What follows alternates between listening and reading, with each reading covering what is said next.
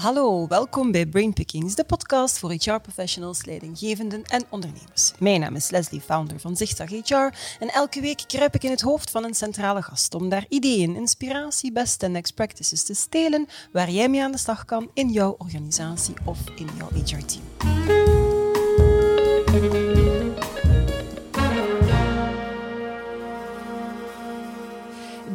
Heren aan de andere kant van mijn tafel deze keer. Auteurs dan nog wel. Olivier Ongen aan het hoofd schreef het Noble Purpose boek.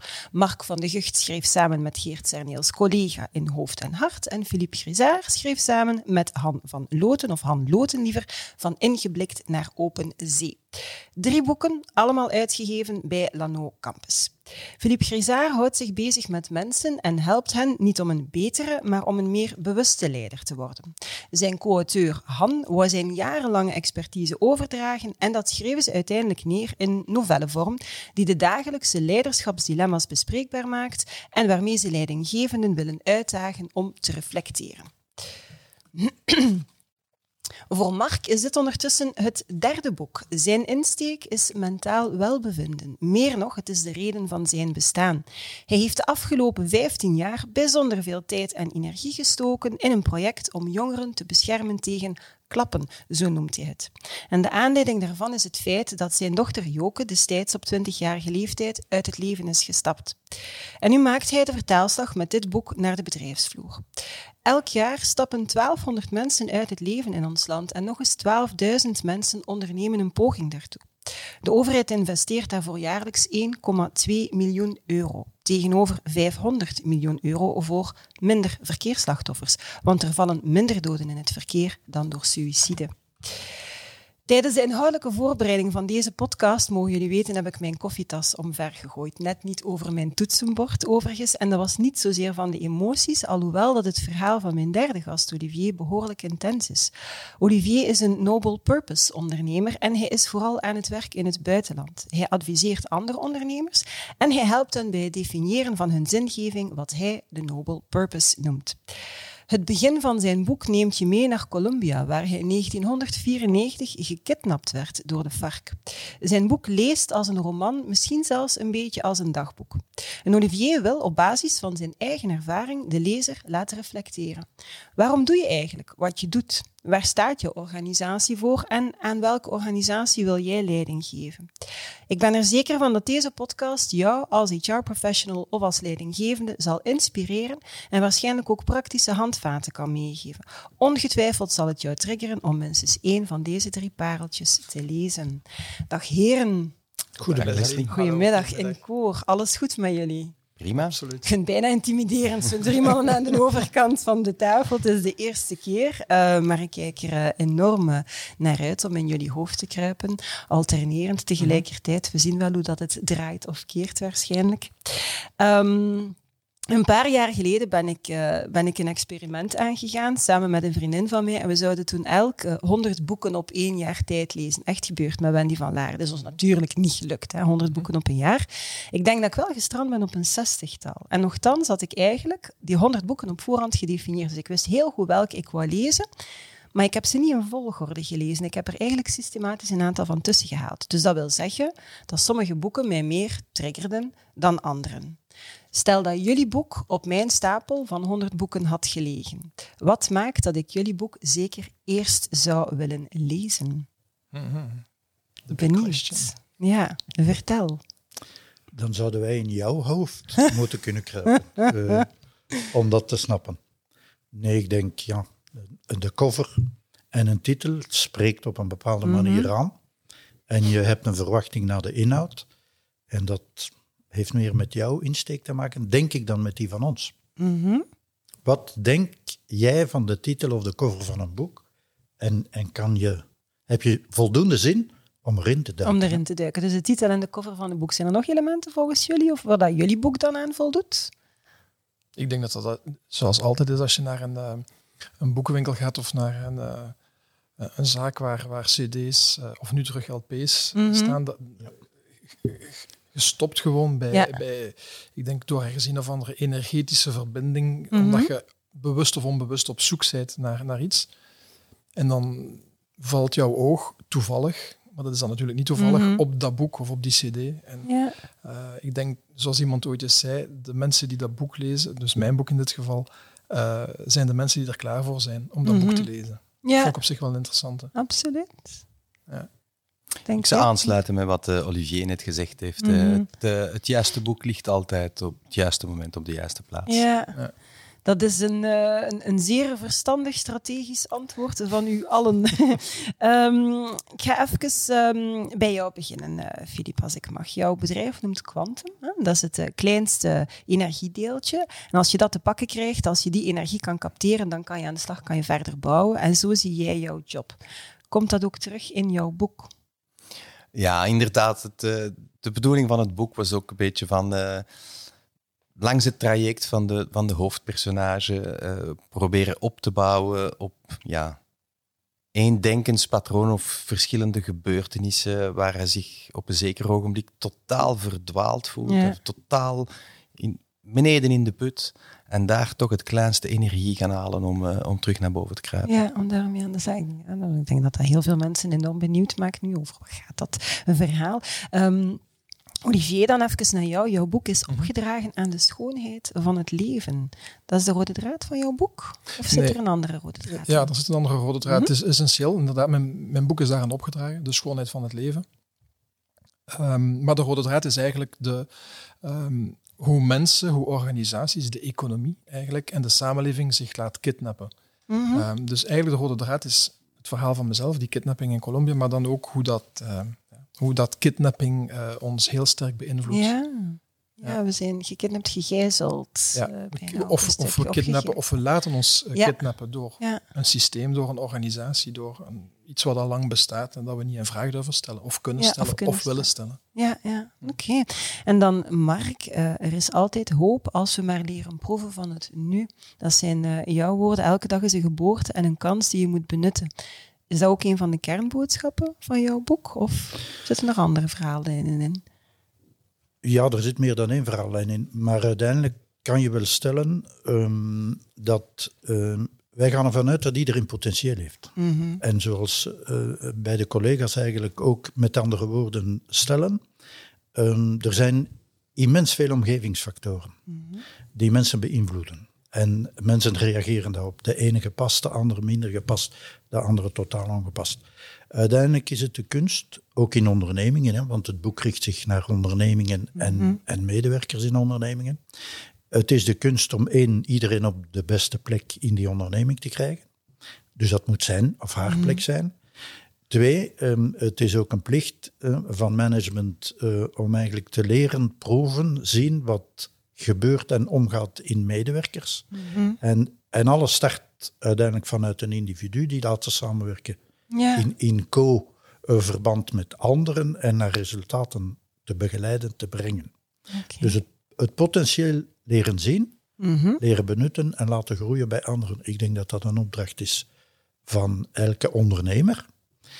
Maar onderliggend, wat mij eh, en Geert ook zeer fors aanbelangt, is eh, met respect voor het individu en vooral voor het mentaal welbevinden. Want laat ons wel zijn, gelukkige medewerkers presteren beter. Ja, Zo eenvoudig ja, is het. dat klopt. Dat is, eh, klinkt evident, maar het is alles behalve evident, Ja. want veel mensen Ja. zijn niet zo Helaas, gelukkig, zo blijkt. ja. Hè? E- e- Eigenlijk, als ik daar even mag op inspringen, Tuurlijk. Mhm. wat je net komt te zeggen, is voor mij eigenlijk, het zou een evidentie moeten zijn. Mhm, Ja. ja. zo moet Maar het dat zijn. is het dus nog altijd Ja. niet. Nee. Ja. En eh, eh, hoe meer dat je daarover nadenkt, hoe, hoe meer absurd Ja? dat het Ja. is de manier hoe dat er eigenlijk aan business, aan economie gedaan wordt. Mhm. Ja. Ja, zeker en vast. Vandaar, nog even inpikken, vandaar dat wij ook zeggen, indignez-vous. Ja, Al degenen die voldoende veerkracht hebben ja. en voldoende sterk potverdorie, u. benut uw potentieel om anderen omhoog te krijgen. Ja, ja, absoluut. Mooie oproep. Ehm, ik ga op elk van de boeken nu even eh, inzoomen, dat we toch, want ik kwam in met mensen, ja, maar dat zijn die verhalen, dat we dan kidnapping en, en, en die man er. Dus we gaan, we gaan op el- elk verhaal eventjes eh, inzoomen. Ik ga beginnen met eh, het boek ehm, Van Ingeblikt naar Open Zee. Ehm, dat is een novelle. Uh, die de dagelijkse leiderschapsdilemma's bespreekbaar wil maken. En we worden dus meegenomen inderdaad naar een, een concreet familiebedrijf, Prefinec uh, was het. Um, ja, in eerste instantie, Filip, waarom, waarom een novelle? Is dat omdat je niet wil zeggen aan de mensen wat ze moeten doen? Onder andere, ik ben nu al een vijftiental jaar in, ja, in, in deze job van begeleiding en consultant voor bedrijven en ondernemers. Ik heb heel veel boeken gelezen, want het interesseert mij ontzettend. Mm -hmm. nu aan de andere kant heb ik zo'n beetje denk ik dat jongere managers, en als ik zeg jongere manager, neem me niet kwalijk, tussen de 30 en de 50. Mm -hmm. um, dat is oké. Okay. Ja, ja, dat is oké. Okay. Ja, maar nee, ik spreek zo'n beetje in het, al, in het algemeen. Ja, sorry. Net, net oké. Okay. Ja, net oké. Moet, ik, moet ik iets hoger gaan? Uh, nee, maar dus uh, weinig tijd, onder druk, mm. veel werk. Ik heb ook ontzettend veel gereisd en ik reis ook nog ontzettend veel. Ik werk ook veel in het buitenland. En voor mij was het zo'n beetje het gesprek met Han. Mm -hmm. Want zeggen een technisch boek, ja, maar... Ik zeg, waarom niet een verhaaltje dat zich moet kunnen lezen op een Brussel-Parijs heen en weer? Mm -hmm. Want ik deed dat toen twee keer per week.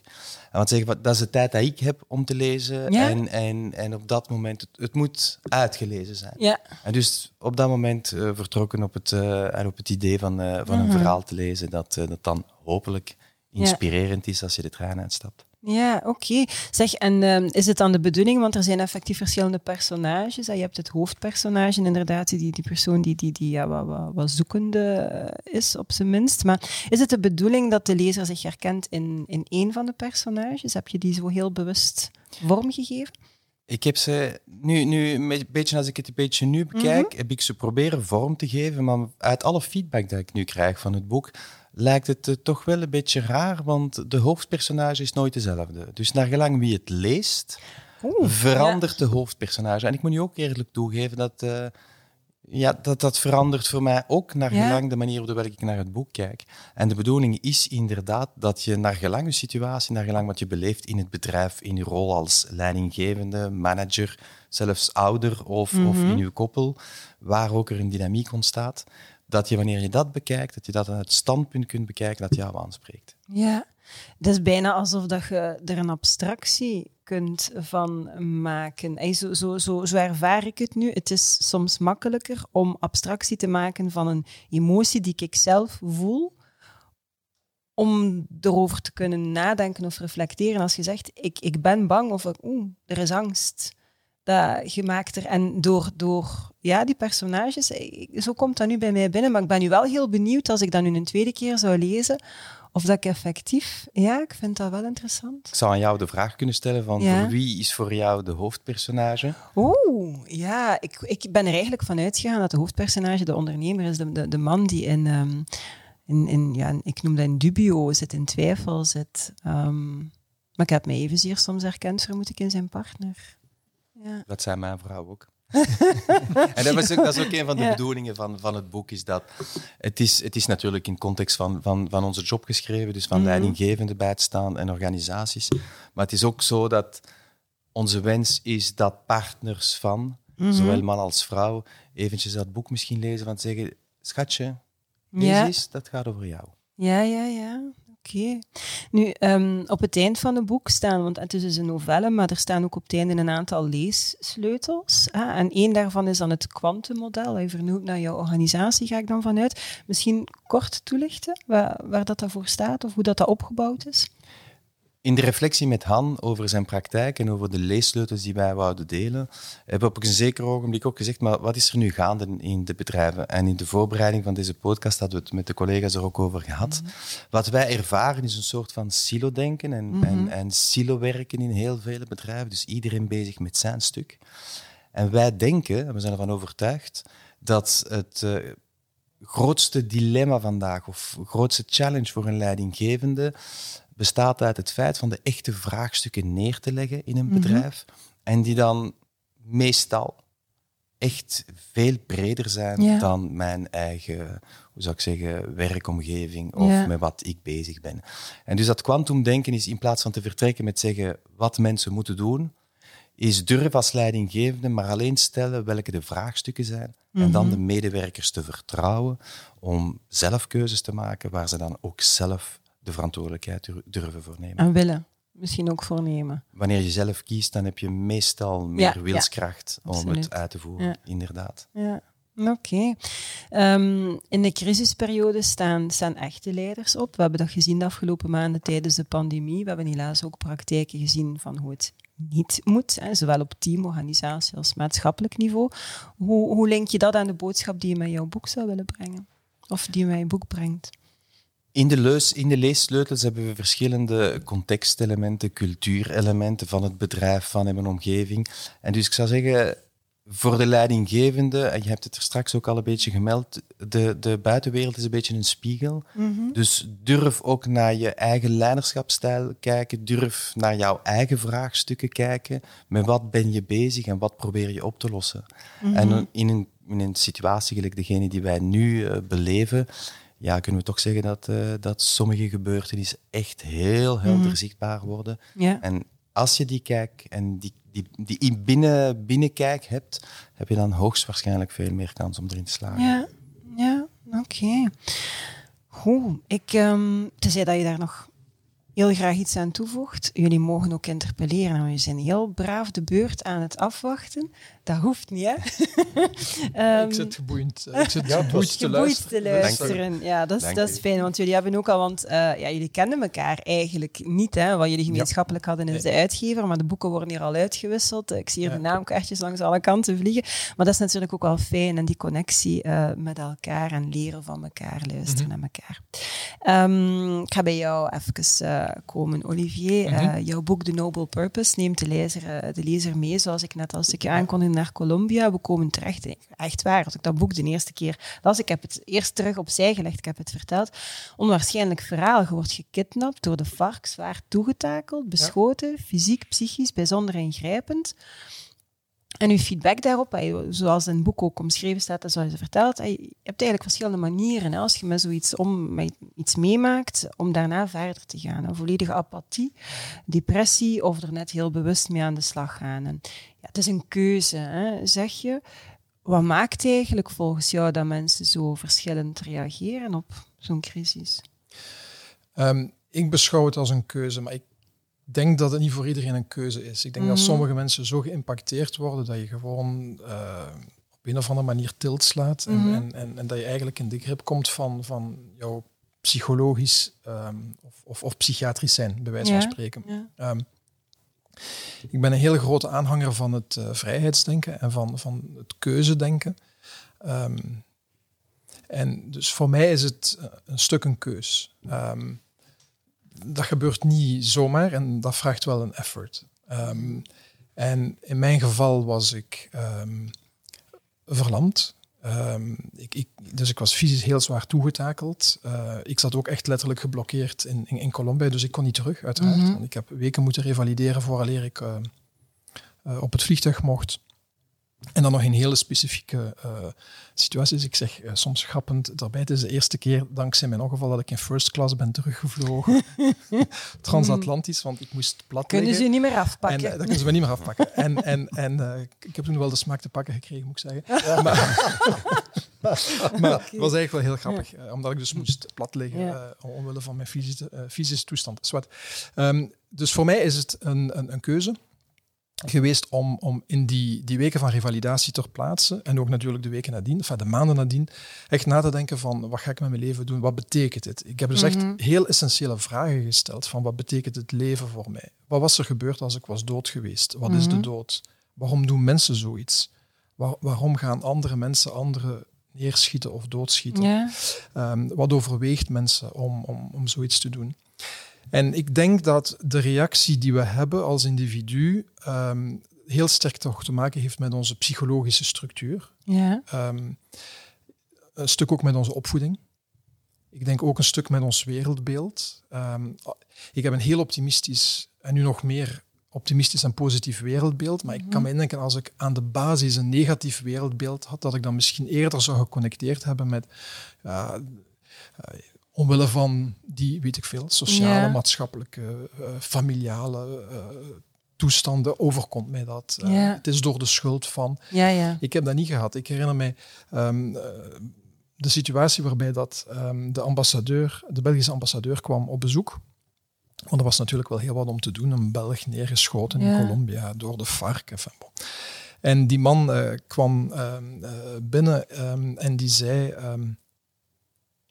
ja, je zult nu wel al die, eh, al die Colombianen verschrikkelijke mensen vinden en dat land waarschijnlijk haten. En, en, en ik keek naar die man en ik dacht van, dat vind ik wel een hele rare manier. Ja. Eh, maar ik zeg nee, meneer de ambassadeur, ik zie niet in waarom dat ik die mensen zou moeten haten. Dat zijn fantastische mensen. Het is niet omdat er een paar Ja. zoiets doen, eh, dat daarom heel dat land eh, corrupt of heel dat land eh, verkeerd is. En dat, dat geloof ik nog altijd heel Mhm. sterk. Het is niet omdat een minderheid iets doet, dat, dat daarom iedereen zo, zo slecht is. Dus eigenlijk heeft dat gewoon te maken met mijn wereldbeeld. Dus een- eerder een positief wereldbeeld.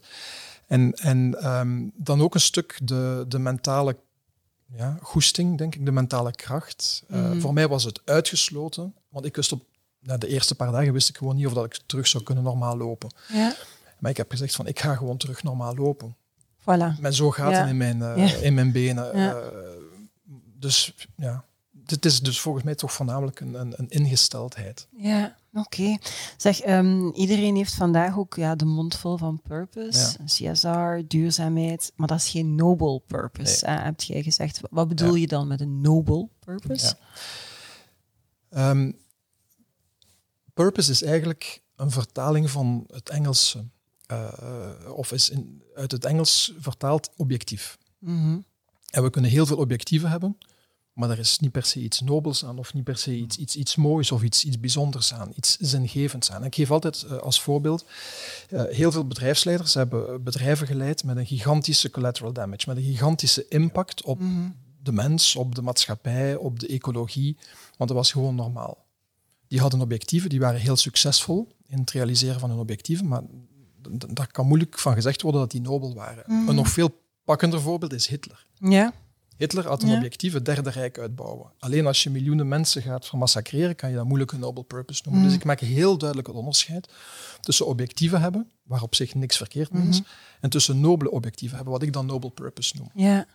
Eén. Twee, wat is Nobel Purpose dan? Nobel Purpose is dus eigenlijk de, de hogere eh, doelstelling die je geeft aan je leven, of aan jouw organisatie, of aan jouw project, of aan jouw eh, investering. Mhm. Ja.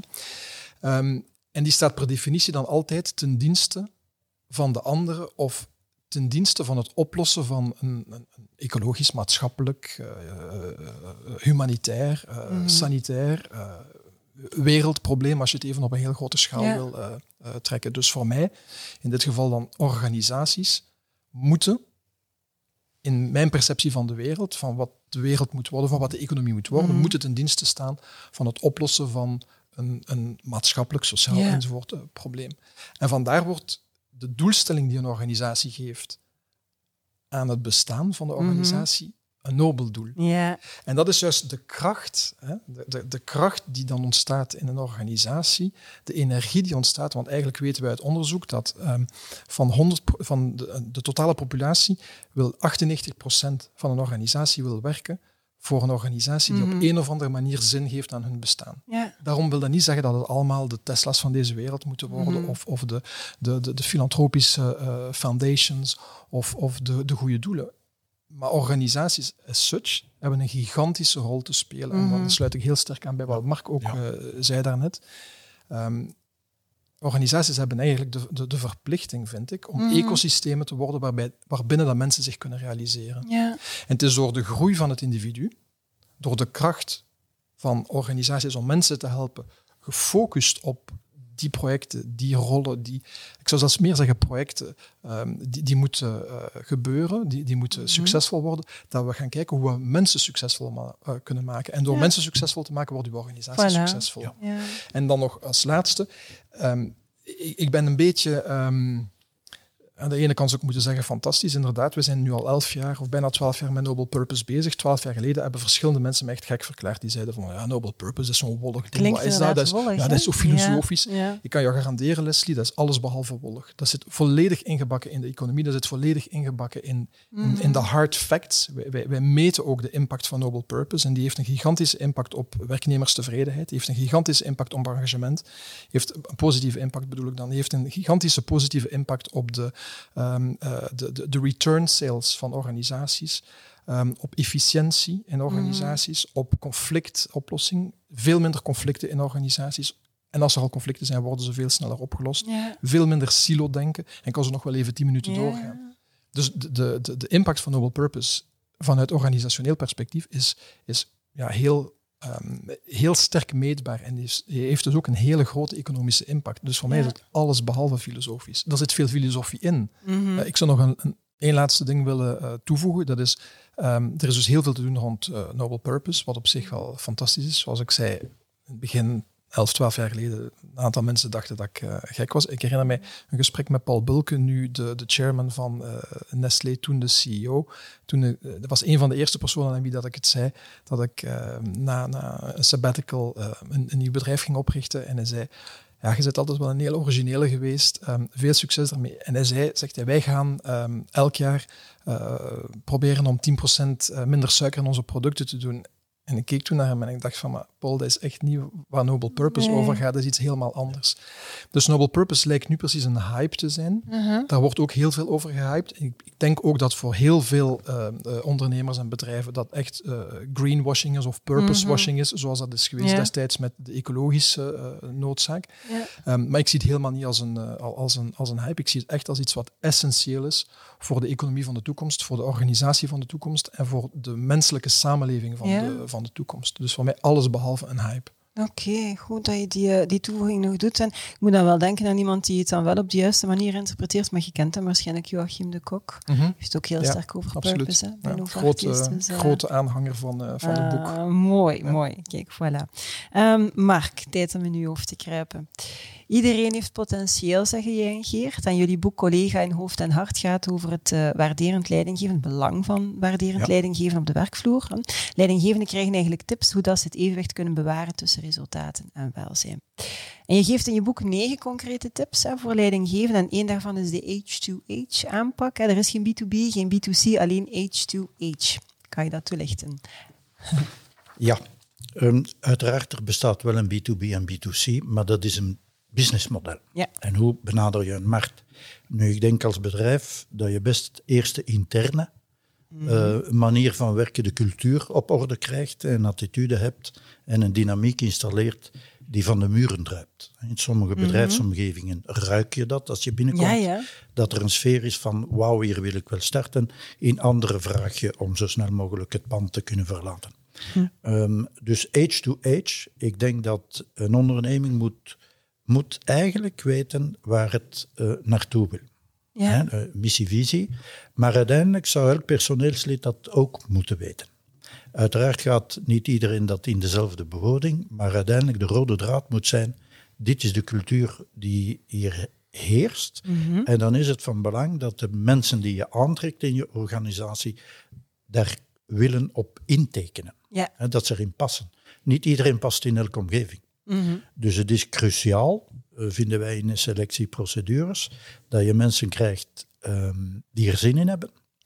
En die eigenlijk eh, zin hebben in autonomie, in betrokkenheid en die com- eh, competentie hebben. Hè. Dat is het ABC een beetje van de basisvoorwaarden om iemand te recruteren. En liefst met potentieel en, en dynamiek en nieuwsgierig in, in de gezonde zin van de definitie. Mhm. En die is letterlijk altijd eh, alles in vraag durven zeggen in groep. hè. Co-creatie is, Ja. is essentieel. Ja. Dus age to age, zorg dat je weet wie je in huis hebt. Zorg dat je die kan laten samenwerken op, op de meest aangename manier. Uiteraard result-driven, hè, daar is absoluut eh, niks mis mee. Eh, dat is ook een must. Hè. Ik sta volledig achter economisch rendabele omgevingen. Maar ze mogen ook geen collateral damage hebben van Ja. ondernemingen waar mensen met, met trossen uitvallen. Ja. Maar dan moet je eerst op individuele basis eigenlijk ergens connectie kunnen maken in een onderneming. Ja. En een manager moet dat met zijn mensen. En zij moeten dat met hun mensen. Als die basisvoorwaarde er niet is, zal dat niet tot de top performance, en ik bedoel dan met top performance, eh, ook met een noble purpose op het achterhoofd, hè, ook met warme toegevoegde waarde. Ja. Als die twee samengaan, je kent je mensen en je hebt een warme toegevoegde waarde, kan je de wereld veroveren met je onderneming. Wauw, dat is mooi. En misschien voor de duidelijkheid, age to age, dat de mensen denken dat het over de leeftijd gaat. Human to human. Staat Yes, of course. Want, eh, Dat heb ik bedenk ja, mij daar- nu net als we het benoemen age, dus dat, dat mensen niet een verkeerde connotatie zouden maken, maar staat dus voor human. We zijn allemaal human, mensen samen. We Ja. hebben allemaal veel eh, dingen gemeen. Mhm. Alleen moeten we de connectie Ja, leren maken. ja. En Ja. dat, is pleza- dat is plezant. Absoluut, absoluut. Ehm, minder plezant is hoe het gaat met eh, het mentaal welzijn van onze medewerkers. Dat weten we allemaal. En zonder alle verantwoordelijkheid in de schoenen van de leidinggevende te willen schuiven. Hij of zij speelt daar natuurlijk wel een Ja. belangrijke rol in. Hè. Leidinggevenden moeten bijdragen aan die warme, je zei het zelf, warm, warm omgeving. En dat vraagt maatwerk. Ja, als ik dat zo hoor, is mijn eerste idee van, ja, is dat dan niet een beetje pamperen, hè? een warme omgeving? Ga je ze dan niet gaan pamperen? En, en wat doe je dan als je tien medewerkers hebt? Ik bedoel, ja, dat is wel, heb je daar wel tijd voor? Dus waar raad je leidinggevenden, of raad je in dit geval mij dan bijvoorbeeld in zo'n situatie aan? Wil ik raad aan leidinggevenden vooral aan om zichzelf in vraag te stellen. En te blijven in vraag stellen. Dat is een Als- beetje wat de drie boeken toch wel dat, zit, dat zit in de drie. Ja. Hè? De- ehm, volgens mij is dat een permanent gegeven. Ik Mhm. ben niet dezelfde persoon als twintig jaar geleden, Mhm, als tien jaar geleden, als dertig jaar geleden. mhm. Ik denk dat hier niemand zo rond de tafel zit. Dat betekent dat wat ik gisteren goed kon in, in een omgeving op dat moment, misschien vandaag niet meer fit met de re- externe realiteit. Dus hebben we de guts om ons in vraag te stellen. Een Mhm. organisatie kan dat bevorderen. Ja. Het lijkt me de plicht van de organisatie om dat te doen. Twee, hebben we ook de guts om te zeggen, om onze eigen limieten te erkennen en herkennen. Ja. Not easy, ehm, maar zeer belangrijk. Mhm. Want alleen diegenen die op de goede positie zitten als leidinggevende, zullen de beste leidinggevende zijn. Mhm. En dan kan je eh, eh, diepgang maken en tien mensen aansturen, laat ons wel wezen. Eh, tussen die tien daar zal, zullen toppers bij zitten en zullen er, eh, eh, de, de middenmaat zitten. En zullen mensen bij zijn die nooit kansen hebben gekregen en waar eh, potentieel verborgen is, Ja. dus die goed kunnen worden. Mhm.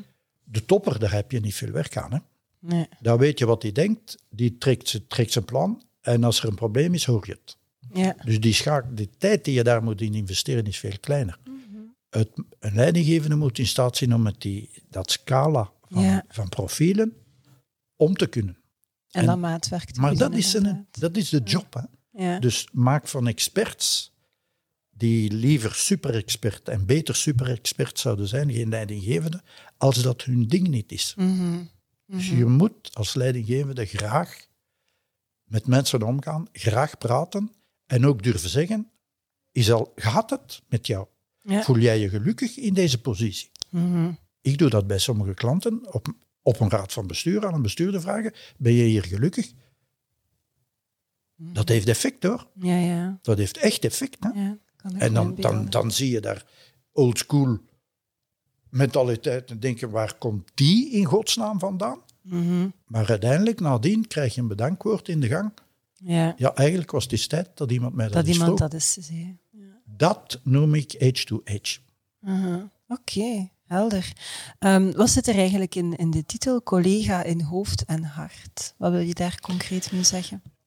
Wel, wij denken dat eh, evenwicht tussen ratio en eh, emo eh, essentieel is. Mhm.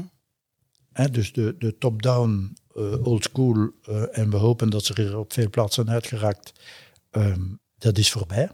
Hè, ook jongelui hebben vandaag, ik denk dat er vandaag de, jonge, de instroom van jongelui, en eh, dat heb ik eh, begrepen zijn tussen 30 en 50 jaar. Ik had beter gezwegen. Ik had beter gezwegen. Eh, eh, ik zit daar never dus op- mention age. ik Mijn ben, excuses. Ik ben daar dus niet meer bij. De instroom van jongelui vandaag, denk ik, één, die wil, de, het merendeel wil dingen bijleren, maar je moet ze basisomgeving creëren die toelaat dat ze kunnen groeien, begeleid worden, eh, een mentor hebben, eh, weet ik veel, verantwoordelijkheid krijgen, autonomie aanleren. De meerderheid wil dat wel. Wel, dan moet je ervoor zorgen ehm, dat je dat realiseert. Mhm. En ik vind, vind dat, wij vinden dat eh, echt essentieel. Ja, Oké. Uh, door dit boek uh, zit je, Mark, ook mee aan tafel van, uh, van de Commissie voor Welzijn. En je gaat mee een Vlaams actieplan voor de komende zeven jaar uitschrijven, heb ik begrepen. Um, dat lijkt me wel een grote verantwoordelijkheid. En binnenkort zou er zelfs een pilootproject starten, dacht Ja. ik dat je gezegd had. Kan je daar misschien tot slot nog iets meer over vertellen? Ja, maar dan moet ik even een sprongetje naar, naar het Ja. verleden. Hè. Ehm, Ja. 18 jaar geleden heb ik samen met een ondernemer een fonds opgericht dat zich bekommert door het mentaal welbevinden van jongeren en eigenlijk aan preventie van depressie doet. Ja. Jongeren. Jongeren, dat is tot en met 25 jaar. Ja. En met dat fonds bestaan vandaag in Vlaanderen in 50 scholen. In 50 steden wordt er een strategisch plan uitgewerkt om mentaal welbevinden 10 jaar tijd in die stad, schoolomgeving te Te- introduceren. Ehm, daar zitten wij achter en wij hebben daar fondsen voor gevonden. Goed. Voor mij, wij hebben een begroting tot 2030 goedgekeurd, vorige week op de Wauw. Raad van Bestuur. 2030. Dus voor mij loopt dat. Ja. En dat gaat zijn doelstellingen halen. eh, no worry about it. De volgende stap, nadat ze jong zijn, komen ze op de arbeidsmarkt. Ja. Dus eigenlijk eh, ben ik nu samen met het eh, VOCA, met VBO, met IDW, met VLESP, eh, Vlaams eh, Suïcidepreventiecentrum, gaan we een pilootproject opstarten waarvan zij, in co-creatie, zij vinden wat is vandaag de grootste prioriteit op de arbeidsmarkt als het om mentaal welbevinden gaat. Hoe kunnen wij maximaal één project uitwerken en nadien uitrollen ehm, om eh, eigenlijk aan suïcidepreventie op de werkvloer te gaan. Ja. Dus dat, dat start vanuit een zeer brutaal gegeven, hè, want suïcide is toch een, een brutale materie. Ja. Maar het zal ook, eh suïcide kan een oplossing zijn voor iemand die in burn-out zit. Hè? Dus het zal ook aan preventie Ja. doen van burn-out. Wij willen met de grootste partijen in Vlaanderen dat opzetten. En eigenlijk is het boek, heeft het boek dat doen ontstaan. Dat heeft Ja. mij op het idee Oh, gebracht. mooi, eh, laten we eens met die mensen gaan praten. Eh, vol- eh, binnen twee weken zitten we eerste vergadering samen. Eind juni willen we de inhoud van het project uitgeschreven hebben. Ja. En implementeren januari. ja. Waar een boek toe kan leiden. Ja. Knap. Maar Ja. het is meer dan een boek en het is eigenlijk al. Het is, het is, het een project van, van dat al Ah, ja, dat, dat zet iets in gang en hopelijk eh, kunnen we iedereen met zo'n virus eh, besmetten. Ja, ook een positief Eh, virus inderdaad. en dat ze maar allemaal, allee, tenslotte, tot in een, een, een noble purpose Mhm. stadium geraken. Hè. Ja. Wij gaan de baksters produceren om, om, er- om er sneller te geraken. Ja, mooie beeldspraak. Ehm, om deze podcast af te sluiten wil ik jullie, eh, want ik, ik, ik had ze voor mezelf voorbereid, er zit hier meer dan 60 jaar relevante ervaring rond de tafel. Ik kan me inbeelden dat het zelfs meer dan 60 jaar ervaring gaat eh, zijn, maar we gaan het niet meer over getallen zo geen hebben. Nee, we gaan niet... Er zit hier veel ervaring rond de tafel in het ondersteunen van professionals, leidinggevende organisaties als het gaat over leiderschap, change, transformatie. Welk ultiem inzicht, en dat wil ik aan elk van jullie drie, eh, van, van elk van jullie drie horen, welk ultiem inzicht willen jullie bij wijze van uitsmijter nog meegeven aan wie kijkt of luistert? En op welke manier kan het lezen van jouw boek daar een eerste aanzet toe zijn? Dus wat is de ultieme boodschap dat je wilt meegeven en in welke mate kunnen ze door het lezen van jouw boek daar een eerste stap in zetten? Who wants to go first? Ik zou zeggen ladies first. Helaas. en toen was er Mark. Ja, ik wil wel gaan. Ik denk, ehm, het leven is mooi. Mhm. Ehm, klappen zijn haast onvermijdelijk. Eh, de kleur van de bril die je opzet om er nadien mee om te gaan, bepaalt of dat eh, goed komt of minder goed. En hoe kan jouw boek een aanzet zijn voor mensen om daarmee aan de slag te gaan? Wel, daar staan, ehm, ik denk dat een ieder daar in elk geval een aantal situaties zal herkennen eh, uit de bedrijfsomgeving, waar eh, toch heel wat ehm, ehm, mogelijkheden worden aangereikt, al is het maar om de dingen aan te kaarten, leren de dingen benoemen, waar Vlaanderen vergeleken met Nederland absoluut niet in Doen uit- niet, uitblinkt. Hè? Dus we zeggen mening ventileren, op fatsoenlijke manier. We moeten dat aanleren. Praten. Ja, Eh, dus meer, meer praten en minder Prozac. ja. Oeh, ja. oké. dankjewel. Wie wil de volgende zijn? Ik zie de andere twee heren naar het is elkaar de- kijken. Er zijn ontzettend veel eh, interessante zaken Mhm. geweest geweest. Ik had eh, willen reageren op sommige zaken van de collega's, maar laten we dat maar voor later. Ik, ik vind het interessant, je had het eh, dat gemeenschappelijk in ons boek, dat we het Ja. hadden over een, een eigen kijk. Ik weet niet of je het woord eh, juist zei. Ehm, nu, Olivier zei het ook, eh, enkele jaar geleden werden we zo'n beetje aangezien als goeroes, of Mhm. wat dan ook nog, als we met een zekere filosofische aanpak kwamen, energetische aanpak kwamen. Dus ik denk vandaag dat die, die, die, die, die, die inblik kijk, van, of die zelfkijk die je Mhm. naar jezelf kan hebben, wordt soms ook niet, of niet dikwijls ondersteund door het bedrijf. Er wordt altijd gezegd, je gaat een coach krijgen of we gaan een opleiding doen, maar dat wordt niet echt aangemoedigd om de echte vraagstukken eh, durven Mhm. eh, in kaart te brengen. De dieperliggende De bedoelt je? dieperliggende. Ja, ja. Eh, Olivier had het over objectives en noble purpose. Dat is iets dat me enorm aanspreekt. Nu, heel veel organisaties zijn ontzettend groot. En als we Mhm. het hebben over verandering, is het soms wel heel moeilijk om zo heel, van die heel zware boten on the move te Ja. krijgen. Dus ik heb ook het diepste geloof, daarom ook quantum, dat Mhm. kleinste gedeeltje van energie, zijn voor mij ook die leidinggevenden en niet noodzakelijk diegenen die een rol of een titel hebben, Ah, ja, ja. maar die wel die bekwaamheid hebben Ja. om de mensen aan te De spreken. leiders dan Ja, zo. de echte Ja. leiders. Ja, En ja. ik schrijf trouwens in het boek Leiderschap met een grote L. Mhm. Want het gaat niet voor mij over het visitekaartje, maar het gaat echt over een, de mindset dat je Ja. hebt. Wat wil je bij de mensen bereiken?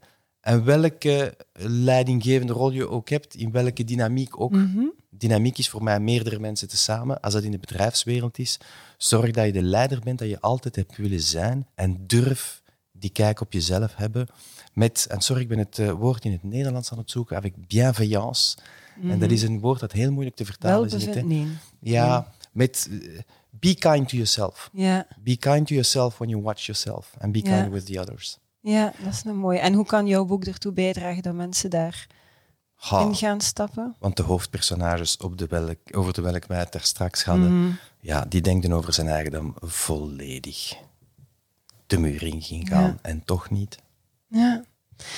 Mooi, dankjewel. Dan gaan we afsluiten met jou, Olivier. Wat is jouw ultieme boodschap? Ik weet niet of het een ultieme boodschap is, want het is zo precies het, ehm, het orakel van Delphi. Ehm, Ja, jij wou als laatste gaan, hè? ja. Ehm, ik, ik zie eigenlijk drie perspectieven. Het individuele perspectief. Ehm, Mhm. Je kan het boek lezen als individu, ehm, als mens. Ehm, en, en connecteren met het belang van jouw leven voor jezelf. En dan denk ik is de vraag eigenlijk, die trouwens ook uitgebreid eh, ehm, verweven zit in, in het boek, eh, ho- hoe belangrijk is, is, is mijn leven en, en hoe gelukkig ben ik met wat ik doe. Dat is Mhm. eigenlijk een, een- een, een zelfreflectie. Tweede perspectief is het organisatorische.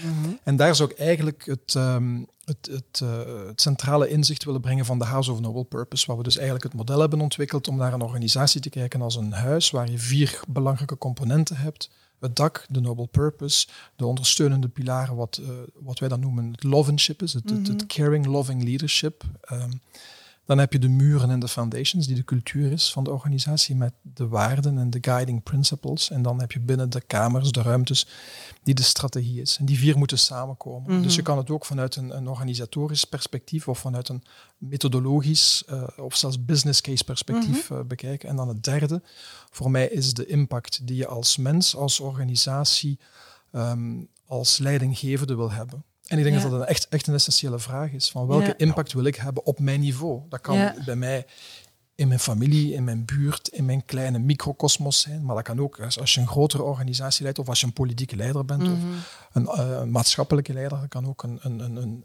nationale of zelfs een internationale eh, eh, impact, impact zijn. Ja. En ehm, als je dan gaat vragen van, en het boek, het boek is, is, is, is een mix tussen filosofie en, en heel pragmatische, concrete cases, voorbeelden, heel veel methodologie, maar het is terzelfde tijd ook geen businessboek. Want ik, Mhm. ik, ik zelf krijg daar iets van, van zo'n toch wel vaak saaie businessboeken. Dus ik heb echt iets willen schrijven wat mensen ehm, ehm, pakt in het hart, maar ook ze toelaat om vanuit de ratio te begrijpen waarover het gaat en dat ze er ook Mhm. concreet iets aan hebben. Dus het is eigenlijk Ja. zo die balans tussen het, filosofische het menselijke en, en, het, en het pragmatische rationele. Ja, mooi. En ik moet denken aan wat je net zei, die ehm, het impact willen hebben als mens, als organisatie, als leidinggevende. Ja. Onlangs een interview gehad met een, een, een, jonge vrouw, je kunt dat hebben, daar gaan we nog veel van horen, denk ik. Dan denk ik ook hoe oud ik aan het worden ben. Maar zij zei ik wil elke dag opstaan en als ik s'avonds ga gaan slapen, het gevoel hebben dat, dat de wereld toch een klein beetje beter is geworden mhm. door mij, door kleine mhm. dingen.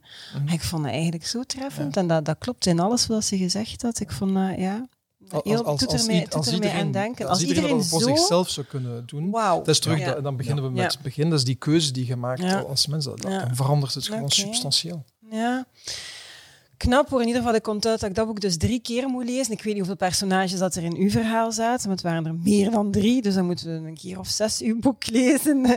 En collega in hoofd en hart, ja, dat gaan we dan ook een paar keer moeten lezen. Dus er ligt veel werk op de planken. Uh, in ieder geval wil ik jullie uh, heel erg hard bedanken dat ik uh, in jullie hoofd mocht kruipen. Ik vond het een beetje vermoeiend, misschien een beetje intimiderend, er iemand aan de andere kant van de tafel. Maar ik hoop dat jullie het in ieder geval leuk vonden. Ja, je hebt dat goed gedaan. Bedankt. Vriendelijk, hartelijk dank. Ja, hartelijk dank de Hartelijk dank, dankjewel, dank je vriendelijk. Ja. Super, merci. Um, dankjewel ook uh, aan jullie om te kijken of om te luisteren. Vonden jullie die podcast fantastisch? Ja, dan moet je dat natuurlijk aan zoveel mogelijk mensen verder vertellen. Natuurlijk is het ook de bedoeling dat jullie ook heel wat lezen, want door boeken te lezen kan je heel veel inspiratie um, halen, maar niet alleen inspiratie, maar ik denk ook een stukje reflectie uh, voor jezelf. En ik denk dat dat wel een beetje de rode draad was, ook van deze podcast. We gaan deze boeken zeker uh, de links toevoegen, zodanig als je het graag wil lezen, dat je dat op een heel makkelijke manier kan terugvinden. Allerbelangrijkste boodschap, dat weten jullie ondertussen, maar ik blijf het herhalen. It's a great time to be in HR. Tot de volgende.